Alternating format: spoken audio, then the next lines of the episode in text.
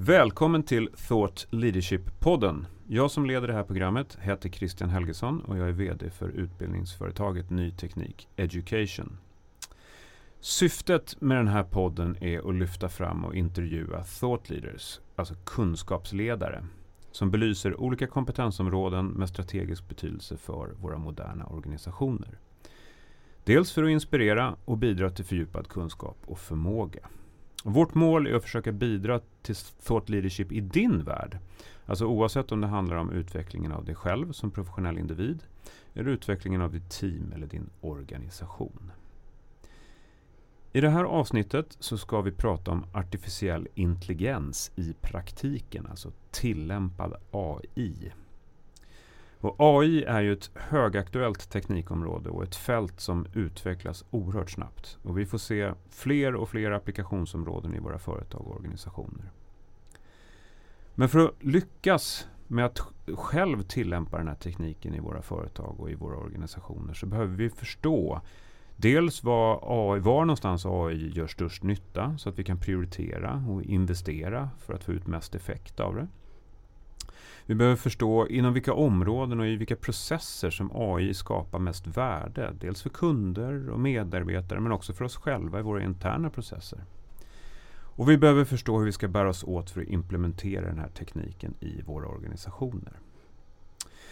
Och för att fördjupa oss i det här ämnet så har vi bjudit in Charlotte Mattfolk. Charlotte har en lång karriär som strategi och managementkonsult med fokus på bland annat digitalisering och AI. Hon har varit strategichef och VD på flera managementkonsultföretag. Och idag så driver hon en AI-plattform som heter IMI, eller hur? Ja, IMI precis. heter den. Ja. Liten ordlek där En med liten IM, ordlek. AI. Ja. Så, men den här eh, AI-plattformen matchar i alla fall kundbehov med frilansande managementkonsulter.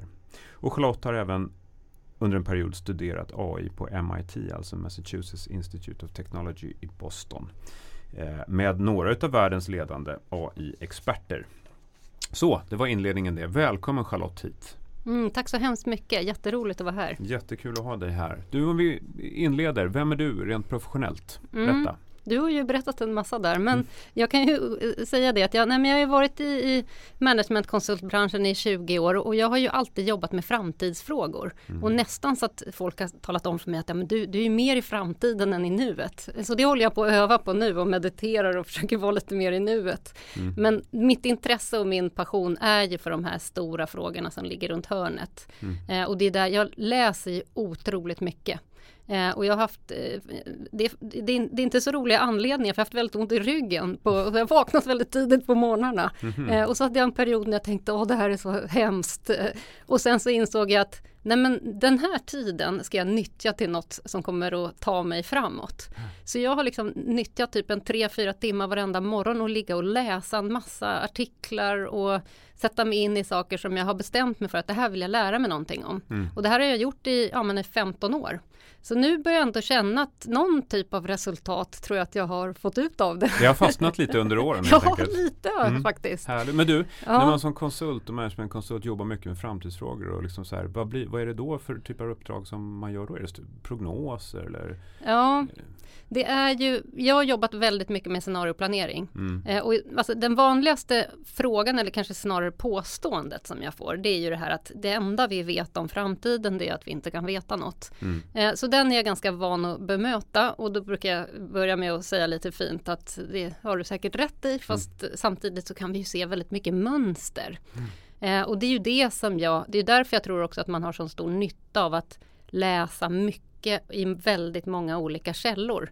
För att just faktiskt identifiera de här mönstren. Så det där är ju någon form av grundläggande intresse och så uppdragen då för mig har ju hamnat, det handlar ju om egentligen att jag tar fram en bild av att så här skulle framtiden kunna se ut och det här är då era strategiska vägval som ni måste göra. Mm. Eh, och jag har nog också alltid pushat ganska hårt i att eh, vänta inte för länge. Det här det har ju varit en strategi under ganska många år att ligga och vänta på att de andra får ta investeringarna och kostnaden och sen ska vi glida in precis i rätt läge när det inte är så dyrt.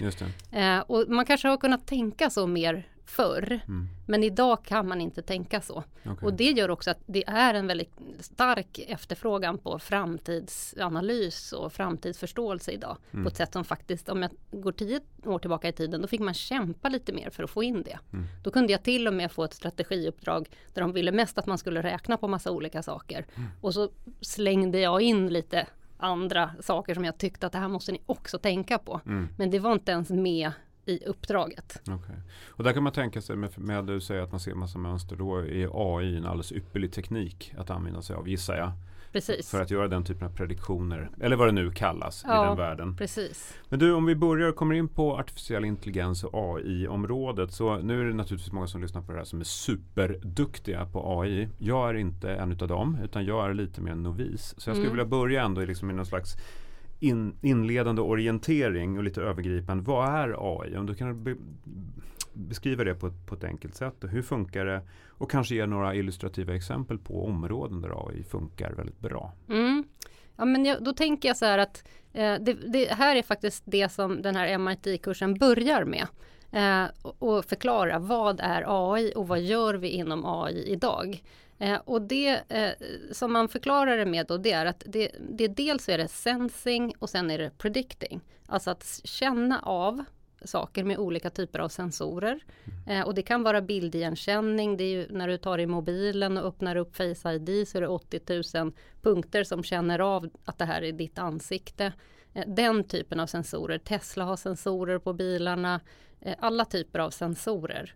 Eh, och sen också att kunna förutse saker som ska hända och då använder man eh, oftast då historisk data helt enkelt och så bygger man en algoritm kring det för att ta reda på vad kommer det här att leda till framåt. Mm. Så det här, och det är då, ska man säga, de två vanligaste tillämpningsområdena idag. Sen är ju AI allt ifrån en ganska, vad ska jag säga, dum lösning som bara kan använda den data den får och göra någonting av den med en algoritm. Eh, till det här vi ofta skrämmer upp varandra med, det här AI som tar över hela världen som är någon form av diktator som kommer att utplåna människan för att den är mer intelligent än vad människan är. Mm. Och det är då det här som man också kallar för eh, artificial general intelligence, alltså då kan AI mer än vad människan kan. Mm. Så att, och den har också det som man kallar då för deep learning, att man, eh, den lär sig själv.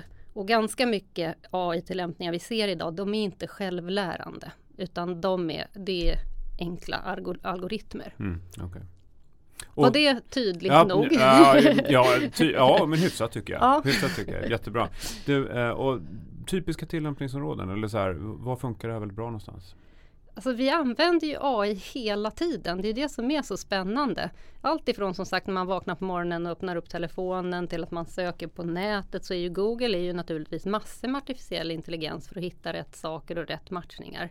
Men om man, som ett annat sätt då just för att man ska förstå hur mycket man använder det, framförallt såklart på, på internet, så är det ju eh, all typ av analys av text eller siffror eller meningar eller bilder. Mm. För det är ju det AI gör. Att man, så att man kan ju se egentligen AI som en form av eh, språk. Eh, med liksom grammatik och meningsbyggnad och alltså en massa olika komponenter som kan göra olika saker. Och som använder sig av olika grunder som olika bokstäver eller siffror eller för att skapa förståelse. Mm. Så att, och jag, ibland kan jag tänka så här att man gör det lite krångligare med AI genom att prata om AI och data. Och när jag frågar folk, men vad är data för dig? Eh, så kan det bli så här abstrakt och svårt att förstå. Men det är, ju, det är ju ord och siffror och meningar och bilder. Mm. Så det är inte svårare än så egentligen. Mm. Och så är det snarare att du har ett sätt att tolka det här innehållet och det är det AI gör. Du, eh, hur ser den senaste utvecklingen inom AI-området ut? Det utvecklas ju otroligt fort ju. Eh, vad är de mest spännande trenderna och rörelserna tycker du just nu? jag tycker att det är de här stegen man tar nu med eh, det- man kallar till exempel för sentient robots. Där, som är självlärande robotar. Eh, och de lär sig då till exempel att plocka upp, man har som en liten arm och sen så kan den då helt själv lära sig att plocka upp en liten boll och lägga i en, en skål. Eh, och det där är ganska avancerat att lära sig. Och det, tidigare har man inte, så det här är genombrott helt enkelt som kommer nu. Tidigare har du kunnat programmera eh, robotar till att göra saker. Men då är det ju, då är det en, program, det är en kod. Mm. Och det är inte samma sak, det är inte självlärande. Så att man brukar ofta likna AI vid ett, ett litet barn. Eh, och att det där att om du bara har talat om för någon att göra en process och så gör den den rakt av men inte har lärt sig något. Mm. Det, det, är mest den AI vi har idag. Mm. Eh, och, men det vi börjar se tecken på det är ju det här att vi börjar lära AI att lära sig själv. Mm. Och det spännande med det är att vi får se en massa exempel på AI då som gör saker smartare än människan. Och det mest kända exemplet är ju det här AlphaGo exemplet som de flesta har hört talas om att man löste alltså ett schackspel mycket mer kreativt än vad en människa eh, kunde göra när människan lärde AI. Mm. Eh, och här finns det också lite nya definitioner som Alltså Gary Kasparov som ju är den här kända schackspelaren, han mm. är ju också väldigt inne i AI och jobbar med det i sitt bolag. Och de har också gjort en massa tester med AI och människor och processer. Mm. Så att man, om man sätter ihop en människa, en process och en AI-algoritm vad, liksom, vilka olika kombinationer är bäst? Mm. Eh, och det man har kommit fram till är då till exempel att eh, den svagaste länken är oftast eh, människan. Mm. Så att den sämsta utfallet mm. det är när du har en weak human som, gör, liksom, som, som lär AI fel saker eller saker på ett osmart sätt mm. utifrån sin egen referensram. Mm. Så då är det mycket bättre att ha eh, vad ska jag säga, bara AI och processen mm. utan människan. Okay.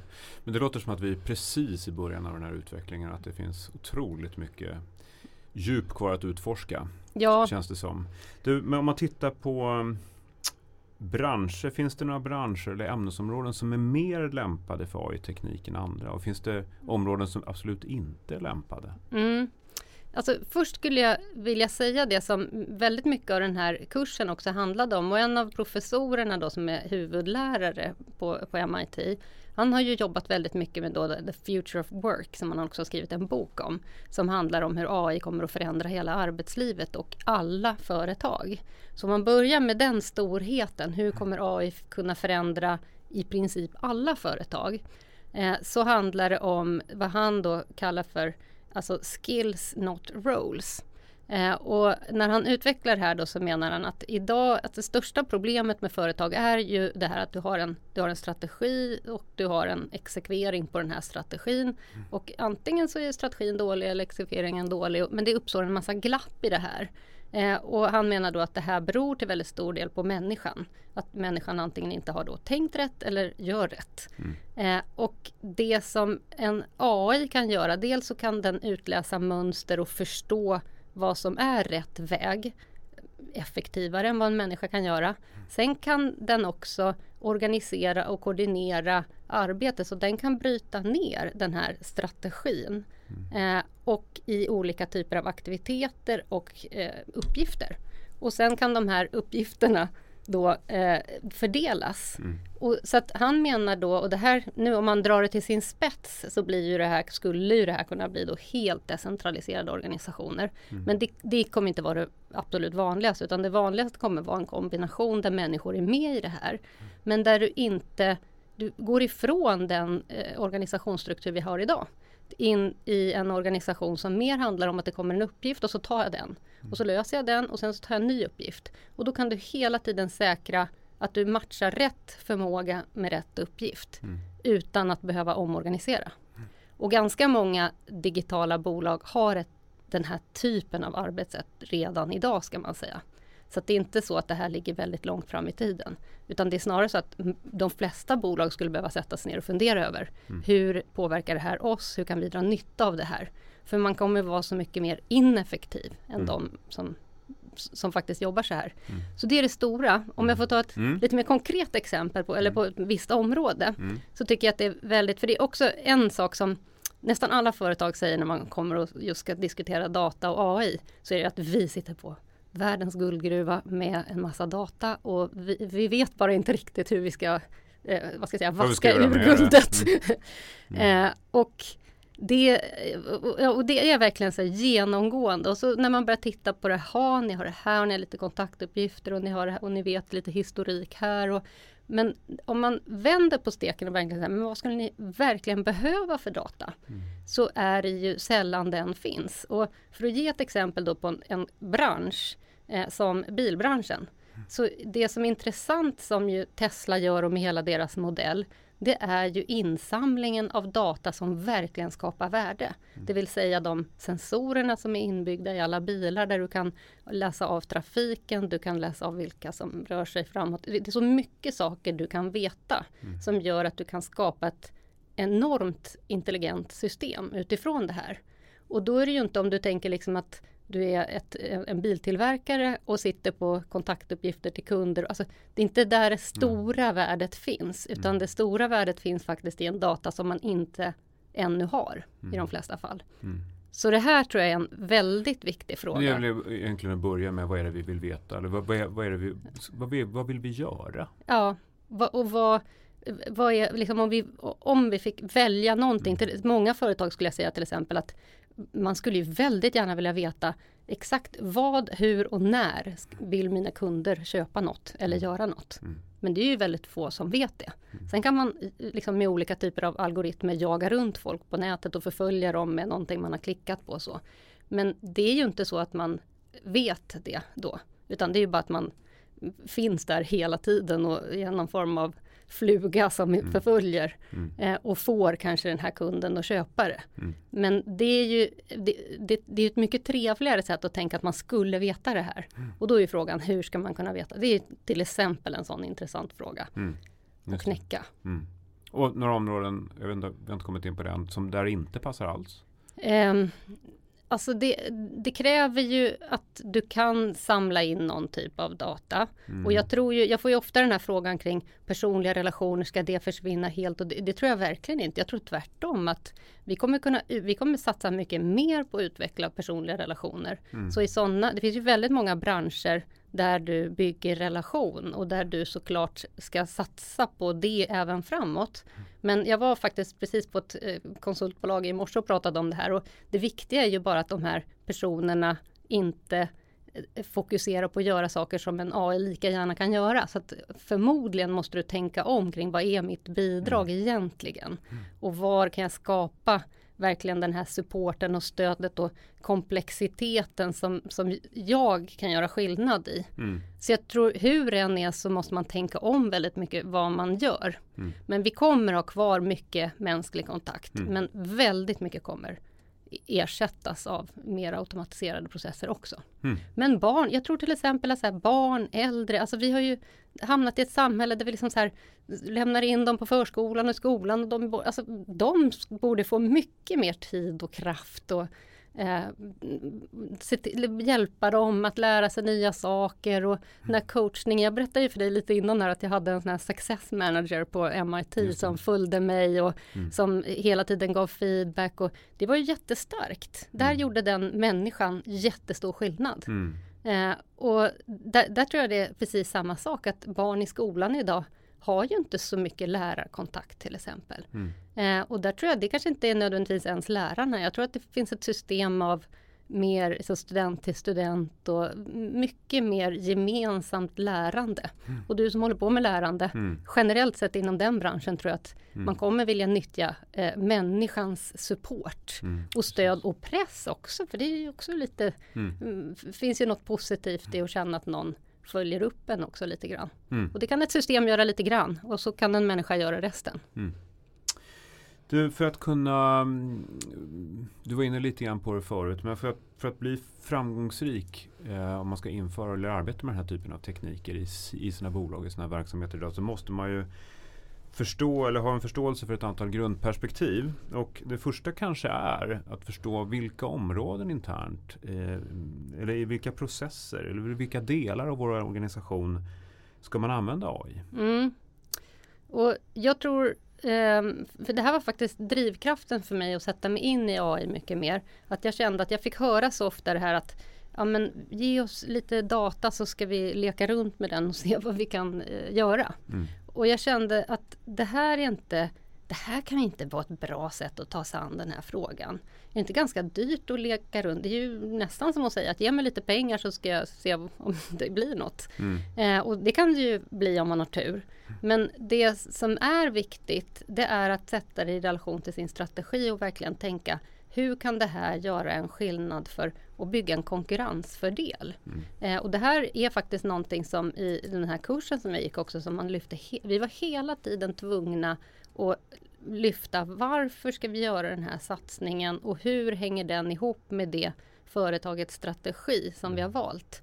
Och om man inte kunde visa att det fanns en tydlig koppling och anledning så, så rekommenderade de oftast att satsa inte på det då. Mm. För alla bolag behöver inte syssla med all typ av AI. Mm. Och du kan köpa en hel del lösningar kommer ju också fram nu som blir mera off the shelf. Att du kan köpa helt färdiga lösningar. Du behöver inte utveckla det som en mm. form av konkurrensfördel. Det är bara dyrt. Mm. Eh, utan verkligen tänka vad är det vi kan göra skillnad. Och det är en ganska sund inställning. Ja. Alltså det har man väl sett genom tiderna att när det har kommit ny teknik att det finns IT-avdelningar eller vd som känner tryck av att vi måste införa det här för att vi ska vara moderna. Exakt. Men, men det gäller att ta, göra analysen ordentligt och titta på sin strategi helt enkelt och sätta det i sammanhang. Då. Ja, så det är egentligen mm. samma. Mm. Samma som tidigare. Ja. Men det är ändå eh, det är ändå inte så. För man har inte så hög kompetens kring AI i de flesta ledningsgrupper. Mm. Och jag skulle säga, jag pratar ju om det här AI som ett språk, att jag skulle faktiskt vilja säga att jag tror att alla ledningsgrupper behöver lära sig AI. Mm. Jag tror inte man kan säga att, och det är allt ifrån VD till HR till affärsområdeschefer, att alla behöver förstå för att det påverkar allas område. Mm. Det, det är ändå en skillnad att när vad ska jag säga, digitaliseringen kom in och eh, om man tänker att man är mera business to consumer-bolag, konsument, kanske det var lite mer på marknad och försäljningssidan. Mm. Och det, det räckte att de blev riktigt bra på det här och samarbetade bra med IT, så, så kunde man komma en bra bit på vägen. Mm. Eh, och det, det, är inte riktigt samma sak med AI, för att det kan påverka så mycket mer. Mm. Så att det här är någonting som det är bara att bestämma sig för. att Ska vi prata det här språket i vårt mm. företag så måste alla lära sig det. Ja. Annars kommer de några sitta helt utanför.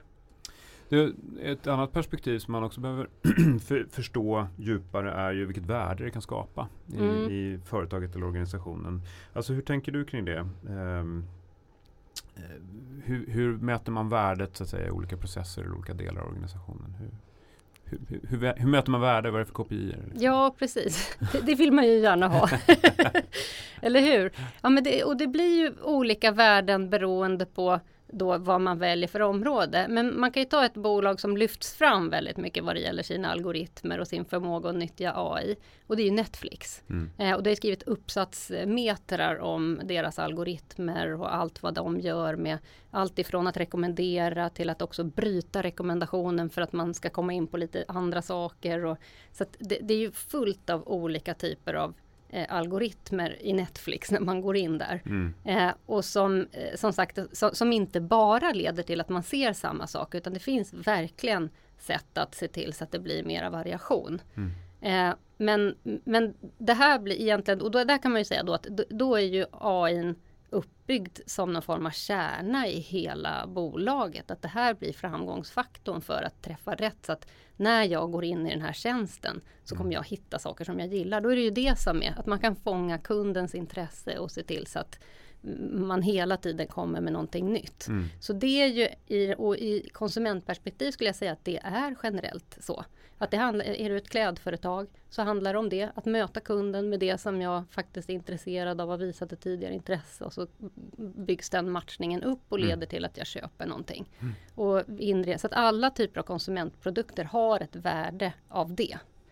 Eh, sen i mera liksom industriföretag eller business to business kan det ju finnas andra kärnprocesser. Mm. Eh, det kan ju vara, som, jag menar tar man Amazon som ett annat exempel.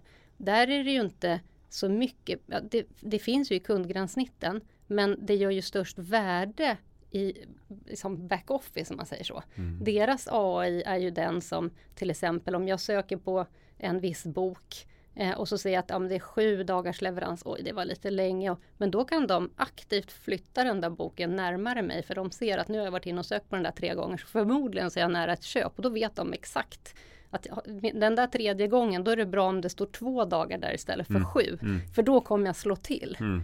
Eh, och då är det ju, nu blir det kopplat mot gränssnittet. Mm. Men det de har gjort är ju faktiskt att de har hela logistikkedjan bakom som, som möjliggör det här. Mm. Och det är ju, och, och det, med hela deras robotiserade processer och allting så är ju det en enorm liksom, möjliggörare och ett, ett extremt affärsvärde mm. som gör att man kan vara, man, man, får till den där försäljningen och man eh, kan lösa liksom det här bakomliggande. Mm.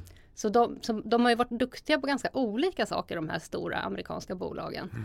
Och det, det nästa här, utmaningen vi kommer till och som jag tycker, som jag brukar lyfta som just, jag, jag, jag tycker inte man ska ge sig in för mycket i alla hotbilder. Mm. Eh, In, inte som skrämselpropaganda, men mm. däremot är det viktigt att förstå utmaningarna. Mm. Och där är det ju ändå så att eh, när du har automatiserat så långt som Amazon har så hamnar du också i slutänden i att man får eh, alltså skattelagstiftning eftersom vi har byggt upp vårt samhälle utifrån att det som någonstans ska bidra till samhället det är arbetskraft i form av människor som betalar skatt.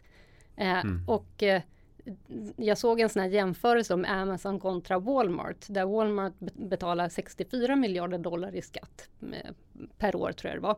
Eh, och Amazon 4. Mm. Så det är 60 miljarder i skillnad. Eh, och det är klart att det Och det beror på Det beror på arbets... Ja. ja. Och sen finns det ju lite andra konstruktioner med vad mm. man eh, är registrerad och sånt också. Mm. Men i väldigt hög utsträckning så, så beror det på att man har eh, vad ska jag säga, eh, ja, en personaltäthet som skiljer sig. Mm. Sen har ju Amazon också väldigt många anställda. Mm. Men inte... Inte i närheten nej, av Walmart då, nej. uppenbarligen. Eller förmodligen. Precis. Men du, det, det, det, det här är ju lite bolag som är lite så här born digital. Eh, mm. Eh, både Netflix och Amazon i någon mening. Eh, och om man tittar på liksom tillämpningar eller implementering. Om man då som kanske inte jobbar på, på Netflix utan jobbar på något annat bolag som har lite längre legacy och inte born digital. Hur, mm. Om man tittar på implementering och införande av AI i sin, i sin verksamhet, hur ska man tänka där? Jag, jag, jag, tror ju mycket på att det man måste börja med är den, det här strategiska. Att du ska inte sätta dig och leka runt med datan det första du gör. Utan man, man ska fundera över var någonstans tror vi att det här skulle göra skillnad. Och där tycker jag ändå att nu ju, finns det ju Born Digital-bolag i taxibranschen också. Men det finns ganska många som är Born tr traditional. Before digital. Eller hur? Ja. uh, hade, hade typ lika gärna kunnat vara en hästdroska till och med. Uh, nu har vi inte så många sådana. Men själva logiken att du då skulle få en droska till stället du är och förflytta dig. Mm. Det är ju samma.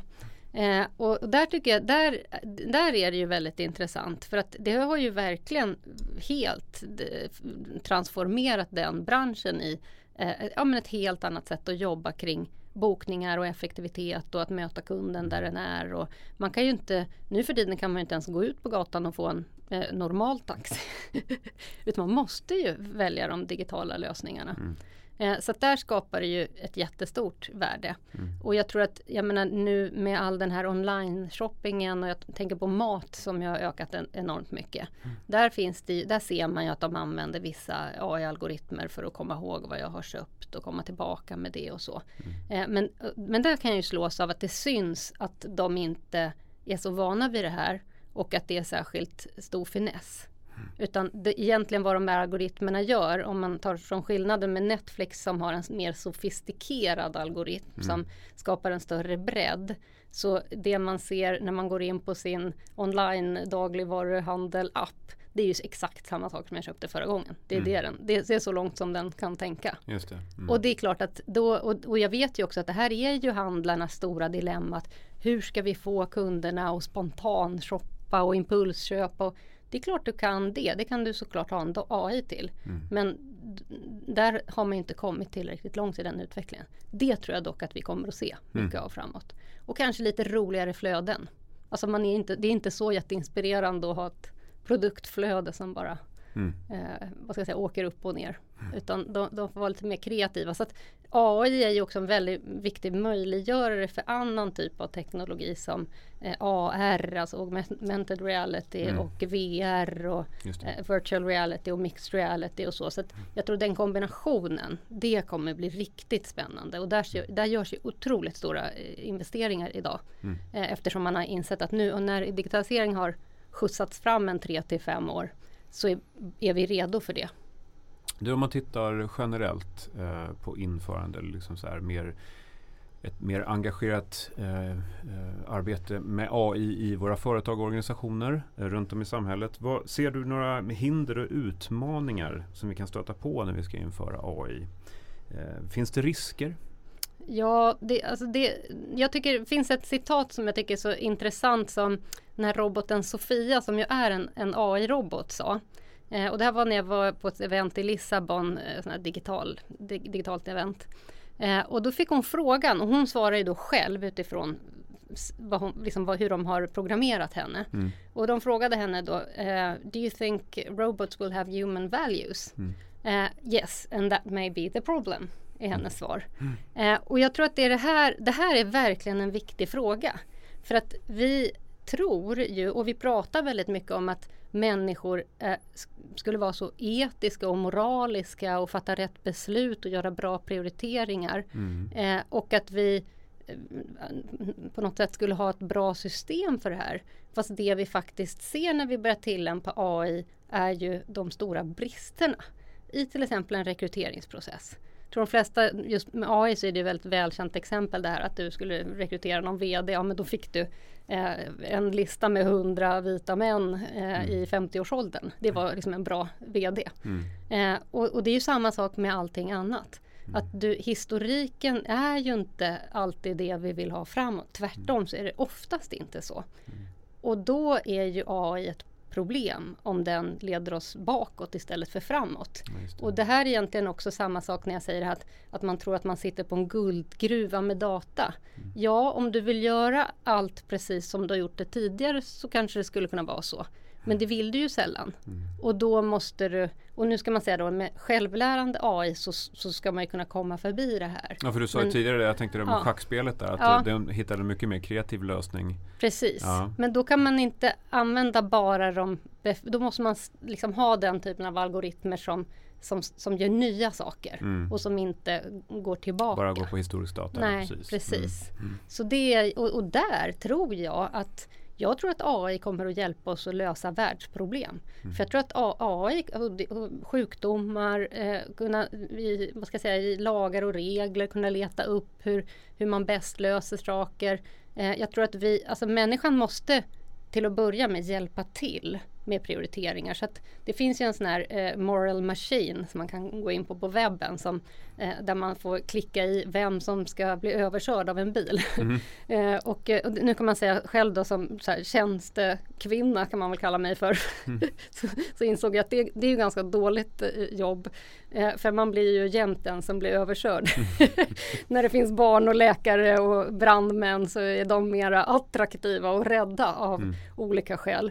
Eh, så jag tror det är därför också som vad ska jag säga, vanliga bolag måste skapa mer samhällsnytta så att man inte blir bortvald av AI. Mm. Äh, det är lite skämt men det är mm. ändå så här den där typen av eh, moraliska maskiner. Mm. Det tror jag också man behöver tänka på som bolag. Vad har vi, vad har vi för etiska frågeställningar och prioriteringar som vi nu lämnar till våra chefer att göra ja, själva helt enkelt. Mm. Som vi behöver samlas kring och någonstans ha en tydligare struktur kring. Mm. Och det tror jag kan vara ganska svårt.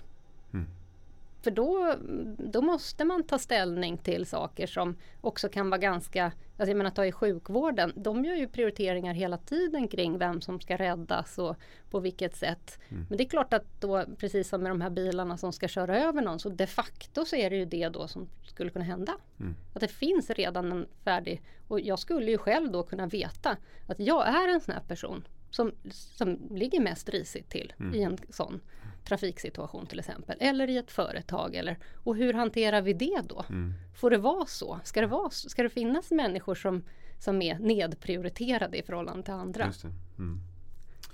Du, eh, vi börjar närma oss slutet. Eh, skulle du kunna nämna några framgångsrika case? Det har du redan gjort. Du har varit inne på både Amazon och Netflix eh, som, som intressanta case i alla fall. Eller tror jag framgångsrika. Netflix lät ju som det var väldigt, att de var väldigt långt framme när det gäller AI. Men finns det andra case som du skulle vilja lyfta fram? Eller organisationer, företag som har varit duktiga och framgångsrika på det här? Och vad är, vad är hemligheten bakom?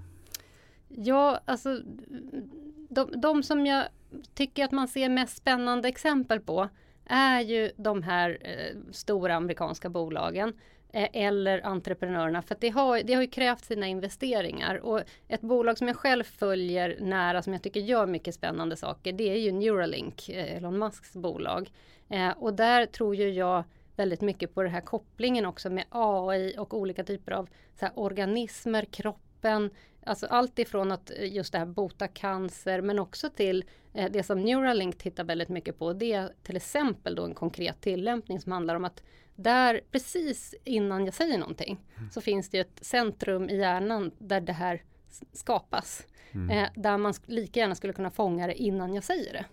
Eh, så, Men hur fångar man upp det? ja, det, alltså det är helt enkelt så att det ligger innan jag har uttalat mm. eh, en viss mening eller nu när jag står här och pratar mm. så finns det en punkt eh, i hjärnan som man vet var den är någonstans. Där mm. du kan plocka det och där du... Men hur plockar man det? Menar? Ja, men då, du kan hämta upp det där så att man vet precis i, i vilken nu, jag kan inte de här medicinska term, termerna ordentligt mm. men mm. det, det, är alltså ett ställe där du helt enkelt om du ha, har en liten sökare som sensor. Så att det, mm. det sitter också som en sensor. Det, det, det är helt enkelt en eh, liksom teknisk pryl som man sätter mm. på sig. Mm. Och den känner av det där och då kan jag tänka och då till exempel omvandla till skrift mm. eller omvandla till att någon annan säger det. Mm. Och alltså mycket forskning har ju gjort, det här grundar sig i forskning man har gjort på människor som helt enkelt tappar talförmågan. Mm. Och, som ju, och där har man ju, Stephen Hawkins han låg ju med sina ögon och sådär. Men det här är ju då ett mycket effektivare sätt. Mm. För tanken är ju mycket snabbare än de här ögonrörelserna. Mm. Eh, så att då har man hittat det här. Eh, och det här, är ju, det här jobbar man ju på för fullt. Så att det, här, det, det tycker jag är väldigt spännande. Det är spännande, det låter eh, som en eh, riktig framtids... Ja, men du kan mm. tänka dig, då behöver man inte sitta där med datorn och då, kan vi, då behöver vi inte hålla på och eh, oroa sig över det här skärmsamhället utan då kan vi bara tänka vad vi vill få ner och sen så eh, kommer det ut där det ska vara. Riktig science fiction får man säga. Mm. mm. Spännande. Precis, ja. ja. Något annat att komma att tänka på? Eller det? Um, ja, men det, och det är väl lite så här spektakulärt exempel. Mm. Så att om man ska ta något som är lite mer på, eh, vad ska jag säga, enklare nivå. Eh, då, då, då, är jag nog ganska mycket inne på de här vardagstjänsterna ändå som jag pratade lite grann om tidigare här med mat och hur man mm. alltså på ett enkelt sätt ändå kan nyttja AI för att öka bekvämligheten. Mm. Eh, och jag tror att det, och jag ska ju säga också att jag tror ju att mycket här som handlar om även trygghet och säkerhet. Eh, jag var ju i Kina och Eh, det, som sagt, de, de omskrivs ju väldigt mycket kring det här med att man kan känna igen alla människor och du har ansiktsigenkänning och att mm. det är så läskigt och hemskt. Mm. Eh, men jag slogs ju ändå väldigt starkt av det här när vi var i Shanghai mitt i natten, skulle gå hem Eh, och eh, det var, det var, vi var två tjejer och så var det några killar och så drog de iväg i en taxi och vi blev helt ensamlämnade. Och den här tjejen som jag var med då, hon bor i, eh, bodde då i Shanghai. Eh, och jag var lite så här, vänta nu, de, nu är de och vi är helt själva, det här känns inte helt hundra procent bra. Mm. Hon bara, nej du behöver inte oroa, sig, oroa dig för att det här är, det är så tryggt. Det, alla fastnar på film så att det är ingen kriminalitet här på nätterna. Jag har mm. gått igenom hela Shanghai Kanske inte hela, det är nog lite för stort för det. Men, och där kan jag, tror jag också att vi kommer förflytta våra gränser ganska mycket. Att den upplevda tryggheten kontra faktiskt att gå en sen kväll i Stockholm som mm. kan kännas lite osäkert sådär. Mm. Eh, så jag tror mycket i vardagen för den typen av mm. situationer också. Mm. Okay.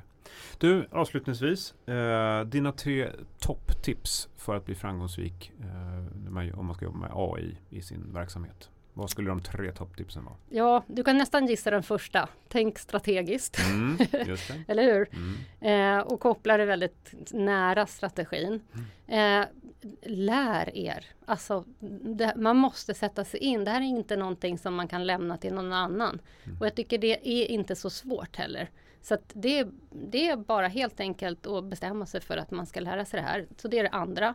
Eh, och det tredje tycker jag är också att eh, börja tänka till lite i vardagen kring när, när är jag med om det här? För det blir också ett väldigt uppvaknande kring mm. vad mycket AI vi har omkring oss hela tiden. Mm. Och tror också för de som då vill utveckla AI-lösningar och nyttja det på bra sätt att då får man en massa inspiration. Just det, det kan man eh, översätta till sina olika ja, verksamheter. Precis. Mm, mm, och så, nu skulle jag inte säga fyra, men om jag får säga en jo, sak till. Här får vi säga fyra, absolut. så, så, så, så kan jag väl också tycka att den här lite moralmaskinen, mm. eh, att göra det jobbet, att tänka till kring vad är det vi har för, hur gör vi saker idag? Kanske ännu mer ransaka sig, vad är det som styr oss idag som kan faktiskt vara ganska negativt om vi gör det här i stora volymer mm. eh, och som då skulle påverka AI på ett dåligt sätt. Att man har uppe mycket mer etiska frågeställningar också kring hur man ska nyttja AI. Mm. Och inte bara AI utan de här processerna man redan gör och kanske inte alltid gör så bra prioriteringar i, redan som det är. Stort tack Charlotte för att du kom idag. Det var jätteintressant att lyssna på dig. Vad kul, mm. vad roligt. Mm. Och eh, tack för att ni lyssnade.